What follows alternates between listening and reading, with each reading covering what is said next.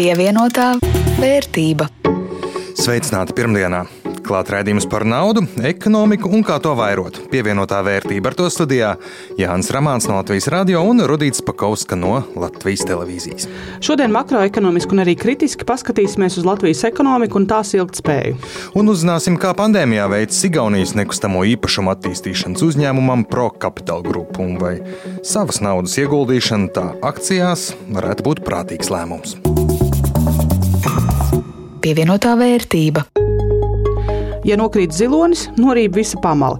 Tā var teikt par Ķīnas milzi Evergrande. Pamatbiznesa nekustamais īpašums, bet netrūkst arī citu. No piena produktu pārdošanas līdz pat futbola komandai un izklaides parkiem. Tikai kompānijai viena nelaime - milzīgi parādi, kuras problēmas atmaksāt. Un jau tagad akciju tirgos reakcija uz Evergrande daudz vietā kritums, bet ja tā bankrotē, Daudz piesauc Lehman Brothers scenāriju, un mēs visi atceramies, ka tieši Lehman Brothers kā sniega bumba aizvēlās līdz iespaidīgai finanšu krīzei. Eksperti gan mierina, Evergrande ietekme lielākoties būšot jūtama pašā Ķīnā, ne ārpus tās robežām. Bet, nu, man jāsaka, arī 2008. gadā es dzirdēju nevienu mierinošu scenāriju, vienu pēc otra. Turpinot par Ķīnu, tās valdība paziņojusi, ka visi darījumi, kas tiek veikti kriptovalūtās, ir nelikumīgi tā piemetot pagalīti kriptovalūtu cenas svārstīgumam. Tas darīts, jo kriptovalūtas varot izmantot nelikumīgām finanšu darbībām. Bet atgriežoties tepat Latvijā, sarunās par budžetu politiķi vienojušies celt neapliekamo minimumu.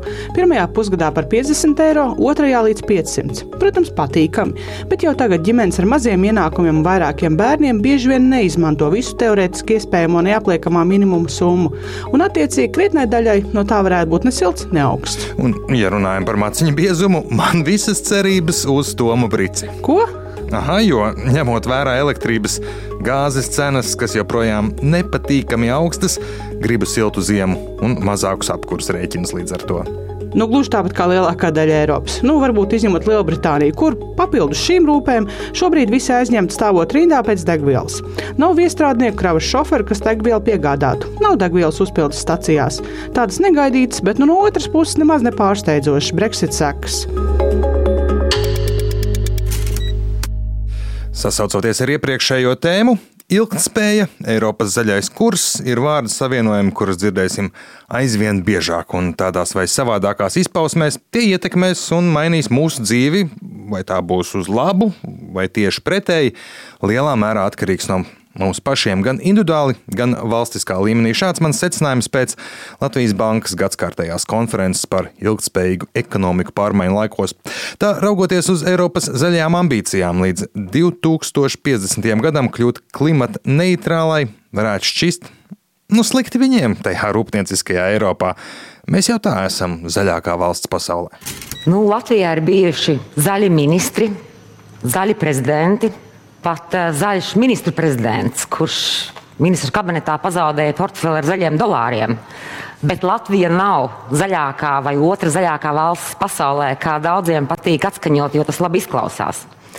Tas ir mīts, un kādam tas ir jāpasaka. Tā saimnes deputāte Krista Baumana, kura uzskatāms piemērs retorikai, ko dzirdēsim aizvien biežāk, arī no Latvijas politiķiem.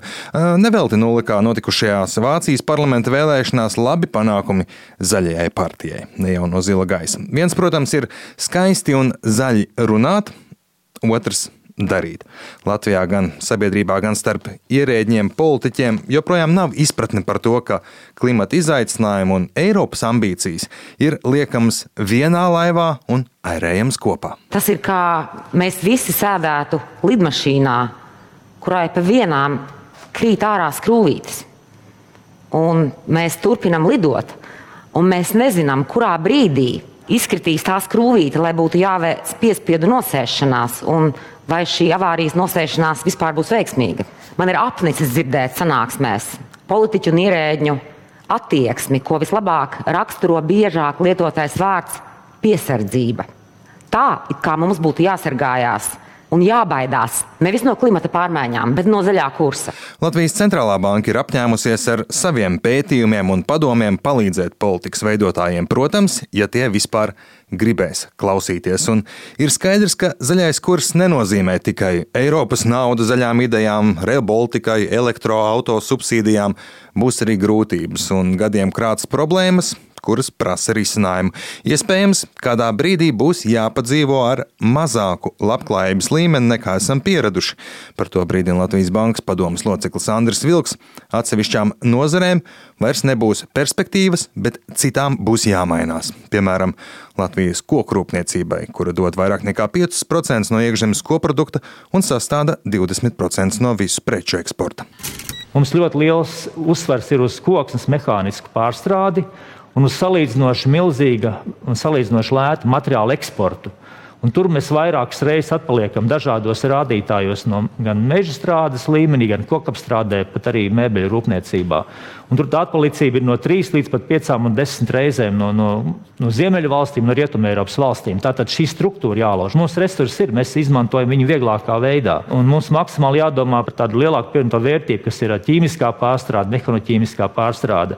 Jo ir valsts, pieņemsim, kā Vācija vai Holanda, kur Nīderlanda, kur 10% ir tā saucamais lētais gals un 90% ir tas pārstrādātais, dārgākais gals. Tas pats attiecās arī uz eksportu, tas pats attiecās arī uz nodarbinātību. Jo, ja nodarbinātība šajā nozarē ir vairāk tā saucamajā ieguves galā, tad arī tās algas būs un dzīves līmenis zemāks. Tur. Psiholoģiski gan ir skaidrs, ka cilvēkiem ir grūti mainīties un sākt dzīvot savādāk. It īpaši aptuveni puse sabiedrības Latvijā klimata izaicinājumus neuzskata par aktuālu problēmu, un diez vai to mainīs kaismīgas politiķu vai ekonomikas ekspertu runas. Cita lieta, ja sāk runāt nauda un tā jau ir realitāte. Arī Latvijā bankas dabai nedraudzīgiem uzņēmumiem sākušas prasīt, kā tie kļūs zaļāki. Piemēram, par to Finanšu un Kapitāla tirgus komisijas padomus loceklei Kristīnai Černējai Mežmalei sūdzējies kāds uzņēmējs. Nesen runāju ar vienu biznesa pārstāvu par to, ka banka ir pieprasījusi tieši par ilgspējas tematu atklāt informāciju un stāstīt, kā uzņēmums ko dara. Un, un tas ir kaut kas tāds, ar ko jārēķinās nākotnē ar vien biežāk bankas un finanšu iestādes, lai varētu izvērtēt aizdevumu izsniegšanas iespējamību, kā arī vispār kopumā novērtēt to potenciālo risku viņu bilancēs, būs šie jautājumi uzdodami un viņiem jā, jāspēj atbildēt. Tādēļ tas stāsts, par ko mēs šeit runājam, ir jāpadomā ikvienam, ikvienam uzņēmumam tieši, ko es varu darīt savādāk, kāda varētu būt tā ietekme, ko es varu mazināt attiecībā uz, uz klimata pārmaiņām. Te jāpiebilst, ka tas nav tikai tāds zaļo ideju pārliecības jautājums no bankas puses, pat ja tā skaisti runā zaļi. Ir skaidrs, kāds zaļums to pārsvarā interesē, un šajā jomā piesaņojušās nozares uzņēmumi, kur nav gatavi mainīties, bankai nozīmē papildu risku un iespēju zaudēt naudu. Ja šie uzņēmumi jaunajā ekonomikā vairs nespēs izdzīvot, bankrotēs un līdz ar to neatdos parādus. Šādi uzņēmumi neizbēgami būs. Prognozē Latvijas banka ar cerību, ka to īpašnieki laikus pagūs savu kapitālu pārvirzīt uz ilgspējīgāku biznesu. Ir daudz jaunu iespēju. Biznesu, par kuriem vēl nemaz neiedomājamies, Iespējams, arī nesaprotam, saka Latvijas Bankas padomus loceklis Andris Vilks, bet pat ja zaļās idejas Latvijā un jaunas Latvijas Nokijas netaps, ja mēs šoreiz vienkārši nenogulētu iespējas, kā esam bieži vien darījuši līdz šim, bet kaut vai darītu to, ko citi jau dara, piemēram, savākt un pārstrādāt atkritumus, Latvijas labklājība pieaugtu visu savākt to, kas ir uh, otrreizējā, tādā līmenī, kā Eiropa savāc otrreizējā pārstrādē. Tas radītu Latvijas ekonomikai papildus apmēram 8,5% no IKP 2,2 miljardus. Mēs varētu ģenerēt savu ekonomiku tikai, ja mēs savāktu tā, kā kaimiņi to dara. To mēs neesam iemācījušies, un tas būtu 50 tūkstoši jaunas darba vietas. Un Latvijas lielais trumps viennozīmīgi tam būtu jābūt. Tas, ka mums ir salīdzinoši maza ekonomika un salīdzinoši liela zemes platība. Un tas nozīmē, nozīmē, ka mums noteikti nākotnē varētu rasties iespēja akumulēt citu valstu radītās emisijas finansiālā veidā, respektīvi mums maksāt. Tā kā šī ir jauna veida ekonomika, viņi ir krietni gudrāki, viņai jāceļ būtu dzīves līmenis Latvijā. Un vienkārši tam jāpiet ļoti fokusēti un ļoti nopietni. Un tas ir uz neatgriešanos. Tā ir lieta, no kuras nevar izvairīties. Tie, kas nogulēs, tie paliks atpalicībā, tie, kas vinnēs, tie var ielikt kaut kādā variantā. Un tā varētu būt Latvijas Nokia viennozīmīgi. Šī pavērās tā mūsu iespēja. Pievienotā vērtība. Bet kas notiek biržā? Skaidrs, ka šobrīd liela un maza investori mazliet aiztur elpu un skatās, kā tad būs ar raidījuma sākumā pieminēto Ķīnas milzu Evergrande. Un to var sajust arī mūsu salīdzinoši mazajā Baltijas akciju dīķī. Mīnusi gan Rīgā par 0,4%, Tallinas biržas indeks leju par 2,7%, bet Viļņā mīnus 5,1%. Manam akciju portfelim tas nozīmē 9 eiro mīnusā salīdzinot ar iepriekšējo nedēļu, bet pagaidām viss labi. Tev? Nu, man salīdzinot ar iepriekšējo nedēļu, 7 eiro mīnusā, bet kopumā šobrīd joprojām virs 40% plus. Skatīsimies, redzēsim, kas notiks tālāk. Jā, pieļauju, ka šobrīd ir grūti ko prognozēt un iespējams arī saņemties, ieguldīt naudu, bet Labāk ir būt informētam par iespējām, un šodien padziļinātāk apskatīsim Igaunijas nekustamo īpašumu attīstīšanas uzņēmumu ProCapital Group. Koncentrējas tas uz mūsdienīgiem liela mēroga komerciāliem un dzīvojamo nekustamo īpašumu projektiem Igaunijas, Latvijas un Lietuvas galvaspilsētās. Un Linda Zalāna skaidro, vai ProCapital Group ir pievilcīgs investēšanai. Kā pats uzņēmums biržas mājaslapā par sevi vēsta, tā investīciju paredzamā vērtība pašreizējo nekustamo īpašumu portfelī ir 180 miljoni eiro. Lauvas tiesu jeb 64% veido dzīvojama ēku attīstība, pēc tam ar 24% seko komerctelpas un 12% ir viesnīcas. Nekustamā īpašuma attīstītāju alianses valdes priekšādātājs Mārtiņš Vanaks teica, ka ProCapital grupa attīsta dažādus nekustamā īpašuma segmentus turklāt visā Baltijā. Tur mēs varam minēt gan dzīvojamās mājas, gan viesnīcas, gan tirzniecības centrus. Rīgas kontekstā Strauss apstākļi visvairāk ir pazīstams ar visu Klīversalas attīstību, ar dzīvojamajām mājām, tie ūdens tur. Vien daudz ir zinās, ka viņi tās viesnīcas projekts Pulslēžu vriežu ielā, un to, ka viņi savulaik attīstīja Dominas tirzniecības centru.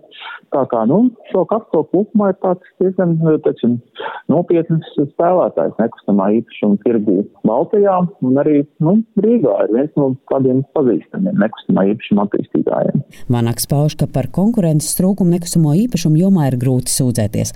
Tomēr katrā no Baltijas valstīm šajā jomā ir savas iezīmes raksturojošās tendences. Piemēram, Lietuvā ir ļoti spēcīga vietējā nekustamā īpašuma industrija, kas attīsta, piemēram, birojus, tā centrālā viļņas iela, kur ir izvietots nu, gluži kā izstādē.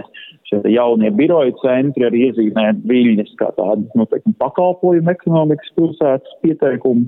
Mums Rīgā būtu daudz kas vēl darāms šajā kontekstā. Savukārt, nu, Tallinā arī ir virkni vietēju attīstītāji, kas, piemēram, ir tieši mājokļu jomā piemēram, īpaši fokusējušies uz ūdens malu apgūvi, kas ir tāda viena no Tallinas pēdējās desmit gadus, nu, tādiem veiksmju stāstiem. Texas Pro Capital ir, ir projekts saistībā ar ūdens malām. Tā ir arī tāda viena viņa iezīme. Arī Rīgā, nu, Klīversalā viņiem ir dzīvojumie projekti pie ūdens. Uzkrājumu un ieguldījumu eksperts Kaspars Pēcinieks nenoliedz, ka Pro Capital Group ir spēcīgs nekustamā īpašuma tirgus dalībnieks Baltijā, tomēr potenciālam ieguldītājam šī uzņēmuma izpētēji būtu jāvelta samērā daudz laika. Viņiem ir lieli un interesanti projekti, un eh, tas viss ir skaisti un labi. Jautājums ir, kā mēs varam, kā ieguldītāji, vai mēs varam vispār nu, kaut kādā veidā novērtēt šo kompāniju vai nē, nu, nonākt kaut kā pie tā, ka nu, ieraudzīja, ka ir šis potenciāls akcijas cenas izaugumam. Savukārt, vērtējot uzņēmumu vēsturiskos rādītājus biržā, Kaspars Pēcinieks teica, ka iepriekšējos piecos gados ProCapital grupa akcijas cena kritusies par 27%. Savukārt, ja skatās rādītājs kopš vispār akcijas tiek tirgots biržā, tad kritums ir 33%. Ja mēs paskatāmies tikai viena gada vēsturi, tad pēdējā gada laikā ir diezgan liels pieaugums - 77% apmērā. Un to varam secināt, ka ilgtermiņa ieguldītājiem no akciju nav sagādājis pozitīvas emocijas ienesīgumu, taču pēdējā gada laikā pirkušajiem droši vien ir pavisam citādākas sajūtas, redzot 77% pieaugumu cenā. Ja skatāmies uz finanšu rādītājiem, tad šeit varam spilgti redzēt nekustamā īpašuma attīstītāju finanšu pārskatu specifiku. Rādītāji ir ļoti svārstīgi. Gan apgrozījums, gan arī peļņas rādītāji ir ļoti lielā amplitūdā, jo no projekta būvniecības brīža līdz tā projektēšanai paiet ilgs laiks un tikai pārdošanas brīdī tiek fiksēti ienākumi. Piemēram, pērnu uzņēmumam bijuši zaudējumi 56 miljonu eiro apmērā, kas galvenokārt ir saistīts ar uzņēmumu aktīvu pārvērtēšanu.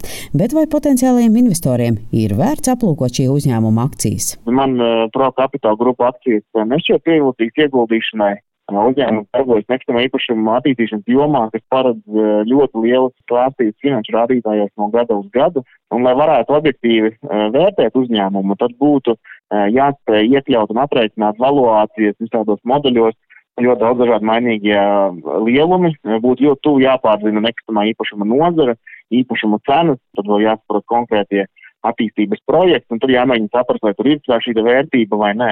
Pēc eksperta domām, ja nav plāns veikt ļoti lielus ieguldījumus šajā kompānijā, piemēram, iegādāties būtisku līdzdalību, tad laikietilpīga izpēte un analīze var arī nebūt liederīgi iztērēts laiks. Linda Zalāne, Latvijas Radio. To arī skan šīs pirmdienas raidījums pievienotā vērtība. To veidoja Rudīts Pakoska no Latvijas televīzijas un Jānis Ramāns no Latvijas radio par skaņu rūpējās Renārs Šteimans. Šo raidījumu un arī visus iepriekšējos var atrast Latvijas radio mājaslapā, kā arī visās populārākajās raidierakstu vietnēs. Uz tikšanos pēc nedēļas!